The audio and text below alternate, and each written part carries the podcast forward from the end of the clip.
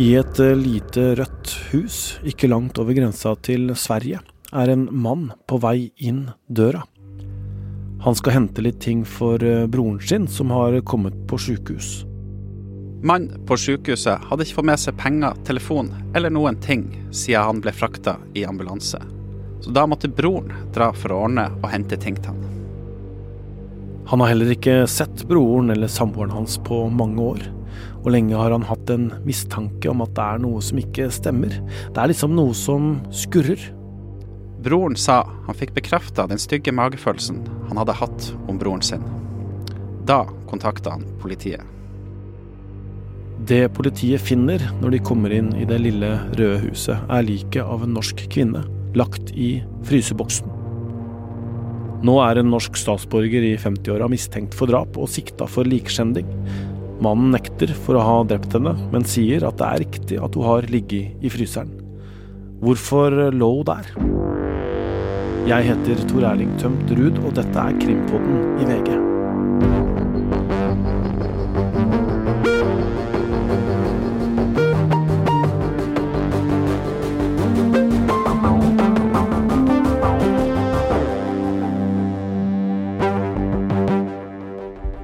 Er eh, mange år siden de to brødrene fysisk har sett hverandre, men de har snakka på telefon. Mannen har annet ringt broren og fortalt at han er ved grensa og kan stikke innom, men heller ikke da har det passet å komme på besøk. Da han tidligere denne måneden forsøkte å ta kontakt, så fikk han vite at broren var kommet på sjukehus, og da ville han hjelpe til. VG har snakka med denne broren, og det er eh, du, reporter Preben Sørensen Olsen, som har intervjua ham. Ja, jeg har snakka med han. Han ønska ikke å bruke stemmen sin i Krimpodden, så jeg forteller det han sa. Hva er det broren forteller til deg? Han eh, forteller at han hadde en mistanke lenge om at noe var veldig, veldig galt. Eh, han har ikke hatt mulighet til å besøke broren sin hjemme. Han har prøvd å få tak i han, han har prøvd å dra på besøk, men det har aldri passa. Mm. Og når han nå kommer, ikke sant, han får beskjed om at eh, broren har kommet på sykehus, og han kommer og, og besøker han, hva er det han møter da? Han møter en uh, veldig syk bror. Uh, han beskriver han som forvirra. Men han benytter samtidig anledninga for å sjekke dette han hadde en ganske stygg magefølelse på. Mm. Hva sier han om den magefølelsen sin? Han sier at han, han vet han vet, han kjenner broren sin. Han vet når han lyver, han vet når han snakker sant, og han skjønner at her er noe som ikke stemmer. Hva, hva sier han om broren sin som bor i Sverige, om hvorfor uh, samboeren er borte og sånne ting? Han tror ikke uh, at broren har drept henne. Det er han veldig tydelig på. Han sier også at han konfronterte uh, broren på sykehuset da han skjønte at hun lå hjemme i deres felles bolig, og at han var helt tydelig på at han ikke hadde drept henne. Hva hadde broren fortalt om uh, hvorfor denne kvinnen ikke var hjemme og sånt? da? han sier han har fått masse ulike forklaringer gjennom årene. At hun har blitt pleietrengende. At hun er på, på aldershjem. at han har fått nye unnskyldninger hvorfor hun ikke er nå. Men han har altså denne magefølelsen, og han konfronterer broren sin på sykehuset, og velger da å dra til dette småbruket som de, som de bor i. Hva er det han finner der? Det vet vi faktisk ikke. Jeg har spurt, uh, spurt broren om det. Jeg har spurt han om han var inne i, i deres felles bolig. Uh, og Det han svarer, er at av hensyn til etterforskninga, så ønsker ikke han å si noe om det nå. Mm. Men han har altså kontakta politiet på bakgrunn av, det, av, den turen sin, da? Ja. Den broren som du nå har snakka med, uh, hva mener han om hva broren hans har gjort, da? Han beskriver, beskriver broren som, som, ganske syk. Han beskriver broren som ganske forvirra. Hva han har gjort Han har ikke noe klare mening om det, enn at han har sagt tydelig fra til broren sin at han mener dette er et overtramp, og at det river ruskende galt. Broren som jeg har snakket med, er veldig tydelig på at han mener at broren ikke har drept henne.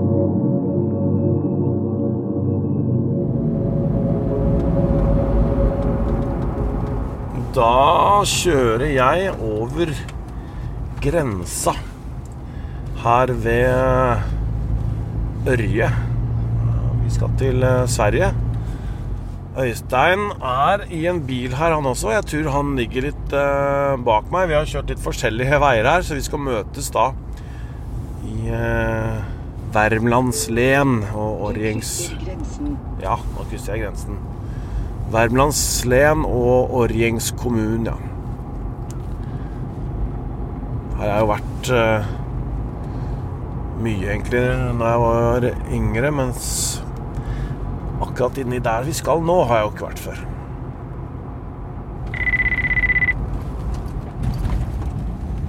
Ja, du ringte, Stein. Er du på veien, eller? Det er jeg. Jeg kommer meg inn i Sverige nå. Ja. Jeg kjørte grusveien, jeg, men jeg anbefaler egentlig ikke det for den bilen din. Nei ja, jeg skal holde meg på noe mer eh, sivilisert. Sivilisert vei, ja. ja, det er bra. Idyllisk er det jo her. Ja, veldig fint. Det er veldig fint på dette området her, altså. Og det er så ryddig og fint i Sverige, vet du. Ordning og reda. Ja. Uh, nå skal vi se. Nå er det 160 meter i krysset. Da er jeg veldig spent om jeg ser Er du oppe, oppe bakke nå? Der, er der er du. Der står du. Der er du. wow. Ja, men da ses vi. Ha det. Ha det. Vi går ut av eh, bilene og trasker den siste biten opp til eh, småbruket som ligger i enden av veien.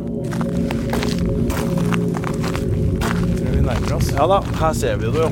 Her ser du politisperringene, vet du. Her har vi huset front, ja. Og det er jo da Vi er jo på vei opp en eh, grusvei, en bakke. Og så er huset på venstre hånd, og der er det et par-tre epletrær i front. Eh, et sånt ordentlig gammeldags klesstativ. Eh, og så er det et rødt hus, hvitt rundt vinduene. og Om det er takstein eller takplate på svarte takplater. Og så er det vel et hus som er sånn ikke så veldig stort. Et Ja, sånt. Ja, skal vi tippe at det er et 60-70-tallshus, da. Ja. Og så har vi en eh, litt sånn shabby låve i bakkant, og to biler. En, eh, en campingvogn. Mm. Det er et sånn typisk eh, grisgrendt område, da, et sånn landbruksområde. Bak oss så ser vi jo noen gamle bilvrak som står. En slags ja, en låve og noe påbygg, et lite industribygg eller hva det er. Og så er det pløyde jorder. eh, litt eh, Her er det vel eh, om det er gras. Eng her, ja. Og så er det skog rundt. Skog og overkant, ja. Så det er jo grisgrendt. Og det som gjør å si, er jo at disse bor jo enden av veien, ser det ut som. Mm. Eh, og, eller har bodd, da. Og at de bor jo ganske for seg sjøl. Eh, selv om det er naboer her, så er det jo noen hundre meter unna, da. Så det er et sånt eh, ja, ganske typisk sånn eh, område som du finner en del av lignende i Norge på andre siden av grensen, altså som du finner oppover hele grenseområdene fra her vi står eh, oppover mot Charlottenberg og ja, det er et sånn, jeg vil si det er typisk litt sånn svensk landsbygd nær grensen, da, som jeg har sett mange lignende områder av opp igjennom. Så sier jo da folk eh, som har vært der også, at det ser ut som det er tatt ut fra en kriminalroman. Men når vi står her nå, så skinner jo sola, og du kan jo tenke at her er det ganske fint om sommeren. Ja, det er det. det huset ligger jo med ja, åpent og fritt og øh, fin solgang som øh, liksom riktig vendt mot sola. Og fin hage her med litt sånn skrånende terreng, så dette er jo, dette er jo er jo en fin eiendom, og har sikkert vært en enda finere eiendom når, når sånn som ja, litt lovende og sånn var enda mer eh, vedlikeholdt kanskje enn den er nå. Eh, og så er det sånn typisk med sant, bjørker rundt og flaggstang og eh, som jeg sa, epletrær og plen og Ja, det er en eh, det er, jo et, det er jo jeg vil kalle det nesten et småbruk, egentlig. Hvis man tenker på politiets teori og, og, og, og sier at hun har da vært i fryseren her i flere år, hvordan ser du på det livet på dette stedet her da? Det er jo veldig spesielt. eh, og ja, jeg kan ikke huske noen sak som liksom er i nærheten av å, ligne på, en, eh, på, dette her. At du har, har frosset ned et lik, da, eh, som jo ser ut til å være et faktum, som også forsvareren til mannen er Så vidt vi skjønner, så er det ikke noe tvil om at, at det erkjennerne har gjort, eh, og at man snakker om 2018 da, som et uh, år. Og det er jo da nesten fem år. Um, så det er jo helt uh, absurd å stå her og tenke på at her er det Ja, i denne, som du sier, da. Det er jo sånn, land, det er jo sånn landsbygdidyll uh, her. Uh, og så kan du si at sånn er det jo med alle åsteder, da. Det er jo veldig ofte fint og alt, alle, alle, steder har sitt særpreg, så, så, sånn sett så er det ikke sånn at det, det er ikke sånn at der det begås kriminalitet, så er det noe spesielt at du kan se at her kunne det ha skjedd, som regel. Men, men det er likevel sånn alltid spesielt å stå ved et åsted sånn og tenke på at her akkurat her det, er det en fryseboks inni det huset der som det har ligget en død dame i, i fem år. Det blir jo Det er jo litt spesielt, for å si det forsiktig. Det er jo også er det spesielt at han, mannen siktede, eller mistenkte, har jo tilsynelatende levd ganske sånn vanlig. Eh, så har vi jo hørt at han ikke ville ha folk inn i huset, men ledet besøk inn i campingvogna der. Eh, som jo har noen har reagert på. Men han har jo han har jo levd som vanlig i den forstand han ikke har sagt fra til noen om hva som har skjedd. Og han, ble, han sa jo heller ikke fra før Det var jo andre som på en måte kom på sporet av dette her og begynte å virkelig ane uro. Så, så, hvor lenge han hadde tenkt å la det her gå, eventuelt før han skulle melde fra, det vet vi jo ikke. Men det er jo sånne ting som eh, kanskje blir belyst gjennom etterforskning og rettssak. Hva er dine tanker om hvordan han på en måte har levd her, da?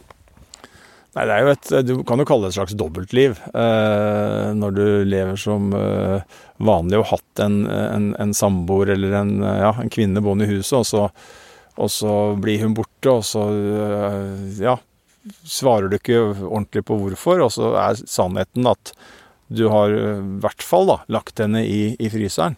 Eh, og så får jo etterforskningen avdekke om han har også gjort noe mer om det skyldes en voldshandling, eh, at hun døde, og at det er bakgrunnen for at hun havna i fryseren, så er jo den saken her enda mer alvorlig. Men han er jo uansett eh, alvorlig og spesiell, selv om det da skulle ende med den varianten eh, av forklaring som, som vi aner konturene at han har gitt, nemlig at, at uh, hun døde naturlig, og at han har lagt henne i fryseboksen av en eller annen grunn som vi foreløpig ikke vet. Alt tyder jo på at livet har gått sin vante gang her. Til tross for at den eh, kvinnen i huset har vært død og ligget i fryseboksen, så er det jo ingenting som tyder på utsida her på at det har vært noe, noe unormalt. Det, er jo, det står jo biler her, og det ligger noen dekk på gårdstuen, og det er jo Ja, plenen er jo selvfølgelig klipt, og ting har jo vært ja, helt som normalt tilsynelatende. Men, eh, men det huset har jo da skjult en, en veldig mørk hemmelighet, og, og det har jo vært da at at kvinnen som har bodd der, eh, har eh, vært død i flere år og ligget i fryseboksen da i flere år, kanskje så mye som opp mot fem år. da. Gardinene er jo nedtrukket der, men jeg antar at det kan være politiet da, som har gjort det. Fordi at eh, hele det bruket her er jo avsperra.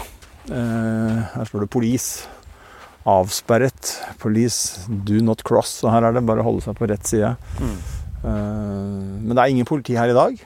Det er det ikke. Og om de er ferdige her, det vet vi ikke. Det står jo to biler her på tunet rett foran inngangsdørene. Det er to, to, inngangsdører på huset. og Det ene er jo da en rød Toyota Corolla, eldre modell. Og så er det en sølvgrå S60 Volvo. Eh, og den Volvoen er jo litt spesiell, fordi at eh, NRK har jo sjekka eierhistorikken på den. Eh, og funnet ut at den eide denne kvinnen i 60-årene. Men i 2019, altså da etter det tidspunktet politiet vel mener at hun døde, så har mannen fått overført eierskap på seg sjøl. Så det er jo vel eh, noe som politiet helt sikkert eh, har med seg inn i, i den etterforskninga.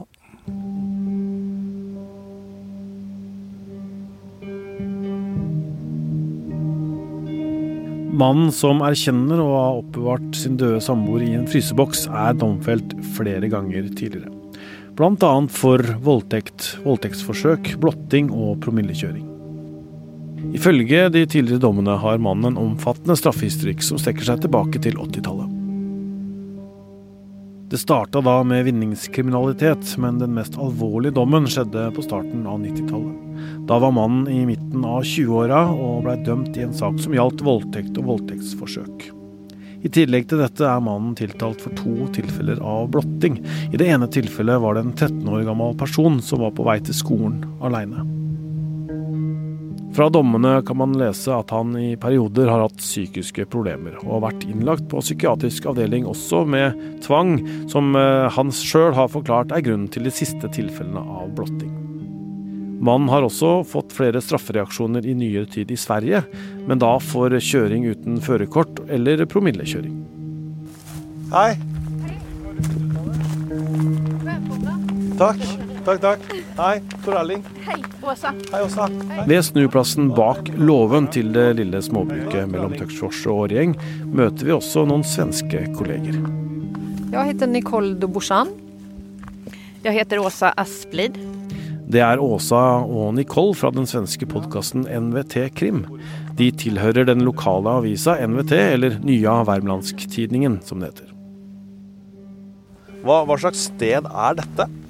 Ja, det ju, ligger jo veldig avsides. Det ligger jo faktisk vid veis ende til å begynne med. Så at, eh, bortom, bortanför det her huset så fins det ingen andre hus utan bare skog. Men samtidig så är det öppet och en vacker glänta här med närmaste granne kanske ett par 300 meter bort ungefär. Omgivet av åker, åkermark Og skog? Og skog. Ja. Ja, Eh, Er det første gangen dere er her? Faktisk, ja. Ja. Mm. Hvordan er det å være her? Ja, men det, vi, vi sa det på veien hit at det er jo alltid bra å komme til et sted eh, som man selv har sittet og skrevet veldig mye om. Eh, så det, det känns bra å kunne vara här och bara titte titta hur det faktisk ser ut og skape seg en bild av det. Ja. Hva er det politiet jobber mest med nå?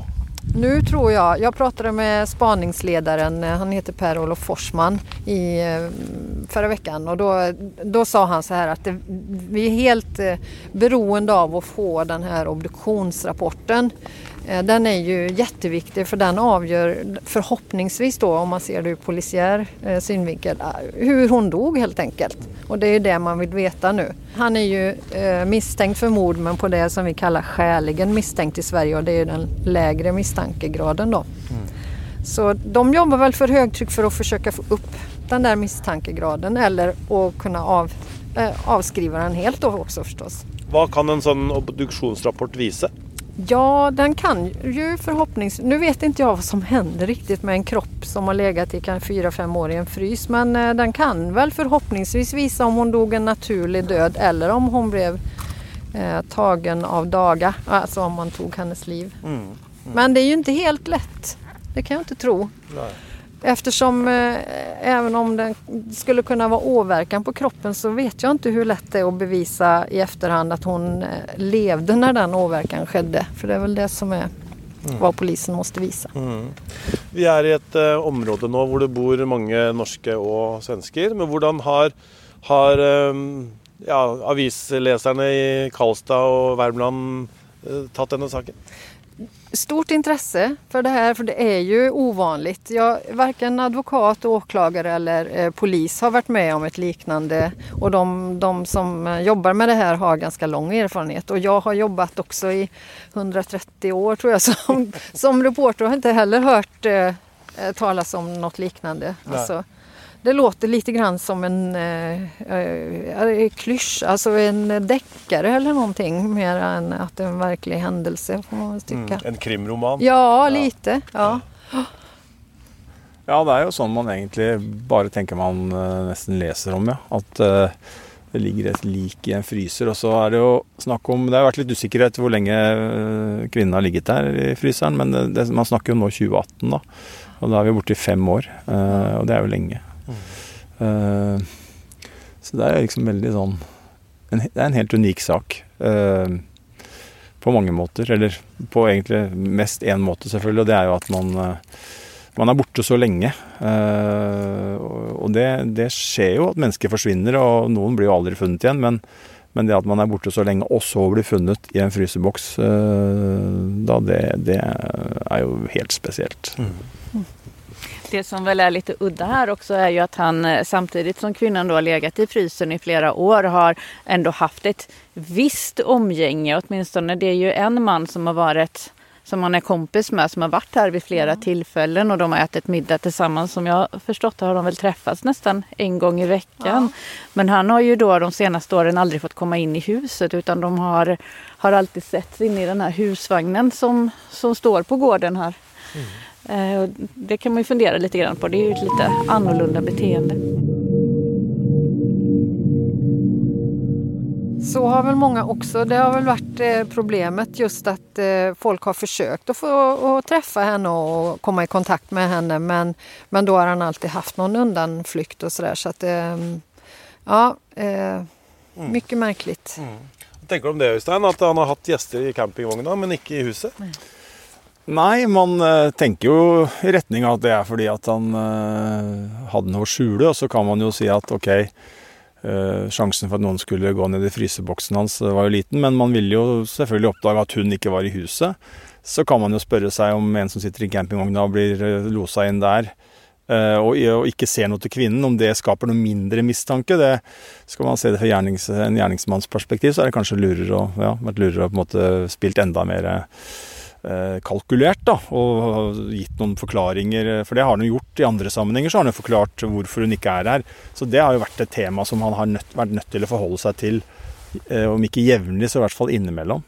Og så tenker jeg at obduksjonsrapporten nå vil jo, som jo kommer ja, For alt vi vet, så kan den komme før vi publiserer det opptakene vi gjør nå. Det er jo, det er jo mandag i dag. og denne episoden skal vi ha ut på torsdag. Men, eh, men, det er klart at den vil være helt eh, potensielt avgjørende. Den kan, den kan jo I utgangspunktet så spørs det jo, vil det sikkert bli en diskusjon rundt det, men den kan jo sånn, i hvert fall fra politiets synsvinkel mer eller mindre bekrefte eh, i hvert fall styrke voldsomt drapsteorien. da.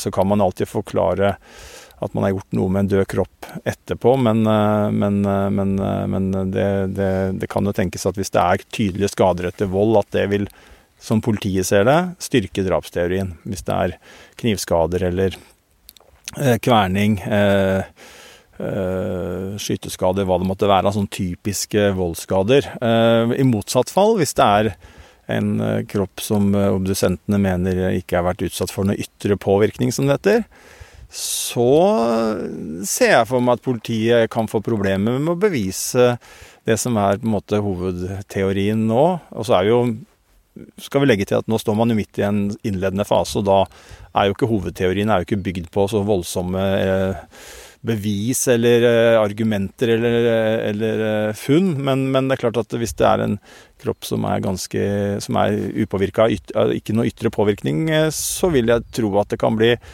mer sannsynlig at man lander i at, at, at hun kan ha dødd naturlig, og at uh, han av en eller annen grunn har lagt henne i denne fryseboksen. Og det er vel, som vi forstår forsvareren hans, uh, som jo ikke sier så mye, men som har sagt noe, så tolker hvert fall jeg det i retning av at er det en sånn type forklaring han har gitt. At hun har dødd naturlig, og at han har lagt henne i fryseboksen. Og så får vi jo tida vise om det handler om panikk, eller om det er noe økonomisk bak det, eller om det er andre grunner han oppgir. Det vet vi ikke, men det er jo sånne ting som politiet nå Eh, et av de mange spørsmålene politiet er nødt til å prøve å finne svar på. Mm. Hvordan jobber politiet nå i Sverige for å, for å komme til en rettergang? Nu jobbar man ju med, ja, förutom att vänta in det här obduktionsprotokollet så jobbar man ju med, man har varit här med tekniker såklart och undersökt, säkert dammsugit det här huset efter eh, alla möjliga spår och säkrat dem och sen eh, kartlägger man ju parets det här liv och, deras umgänge och förhör alla som har haft en relation till dem. Och man har också förhör ju förstås eh, den misstänkte mannen själv. Det är väl vad man jobbar med just nu. Men jag tror fortsatt att det är den här just obduktionsprotokollet som är nyckeln till utredningen, hur man driver den vidare här nu framöver. Man har ju även en viss tidsgräns att jobba mot. När du blir häktad så, så blir du ju häktad i två veckors perioder. Så mm. på söndag den här veckan så, så går ju häktningstiden ut för honom. Så då måste ju åklagaren presentera bevis för att ska han vara fortsatt häktad eller ska man försätta honom på, på fri fot för att ja, eh, antingen att man inte ser att brottet är så allvarligt och att det inte finns risk för att han kan påverka utredningen. Så säg att det här obduktionsresultatet kommer i veckan och mycket tyder på att, att kvinnan inte har blivit mördad så finns det väl ganska stora möjligheter för honom att bli försatt på fri fot kan jag tänka mig. Mm. Och hur raskt kan en uh, rättegång komma då? Om han ikke er frihetsberøvet, så, så, er jo det her ikke et prioritert mål så da kommer det antagelig ta nærmere et år innan det kommer prøves i retten. Om han kommer bli fortsatt hektet, så, så forsøker man jo nå fram til rettergang så snart som mulig. Så da skulle jeg gissa kanskje efter sommaren i så mm. fall. Mm. Og dere da, hvordan skal dere jobbe med saken? Ja, vi fortsetter jo også å bevake det her, så klart. på alle sett som vi kan. Ja, så, kjenner du hjem dette, sånn, sånn, type område? Er det veldig svenskt? Ja, det er veldig värmländskt kjennes det som. Ja, svenskt også typisk. Jeg kan tenke meg at alle här känner hverandre siden generationer tilbake sikkert, har bott her lenge. Utom da de her, våre, det her norske paret då som kanskje var, var litt avvikende i området på et eller annet sett. Grannar har jo sagt så her at han, de har holdt seg for seg selv og ikke hilst når man har kjørt forbi og så der. Det gjør man jo når man bor på landet. Och så, så, ja, man kanskje tykte at de var litt særlinger da. Mm. Plus Ja, det går väl bra det, går bra, det här? Ja, det går bra. Ja, ja det gör det. Ja, ja, det men det bor, för det bor ju jättemånga norrmän här. Ja. Vi har eh, vært i kontakt med den siktede mannens forsvarer, Stefan Liljebekk. Og han har ingen kommentarer til eh, denne episoden nå. Ja, da får vi ta veien hjem her. Du finner eh, veien ut, eller?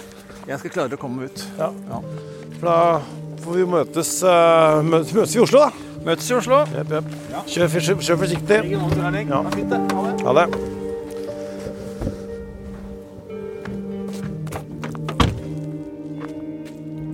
Vi har en nyhet å komme med, som jeg kommer til å minne deg på framover også. Men du kan sette av datoen 4. eller 5. mai, for da skal vi ha livepodkast. På Rockefeller i Oslo den 4. mai, og på Verftet i Bergen dagen etter. Billetter kjøper du på Ticketmaster, og jeg håper at vi ses.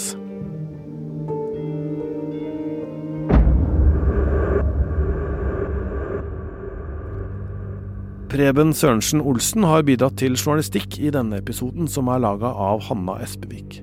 Krimpoddens redaksjon består også av Ruth Einvoll Nilsen og Guro Mjeltevik Halvorsen. Produsent for Krimpodden er Vilde Våren. Krimkommentator Øystein Milli var med.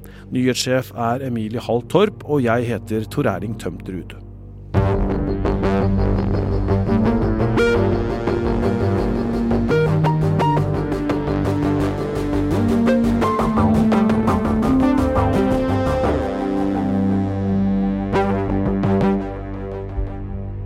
Du har hørt en podkast fra VG.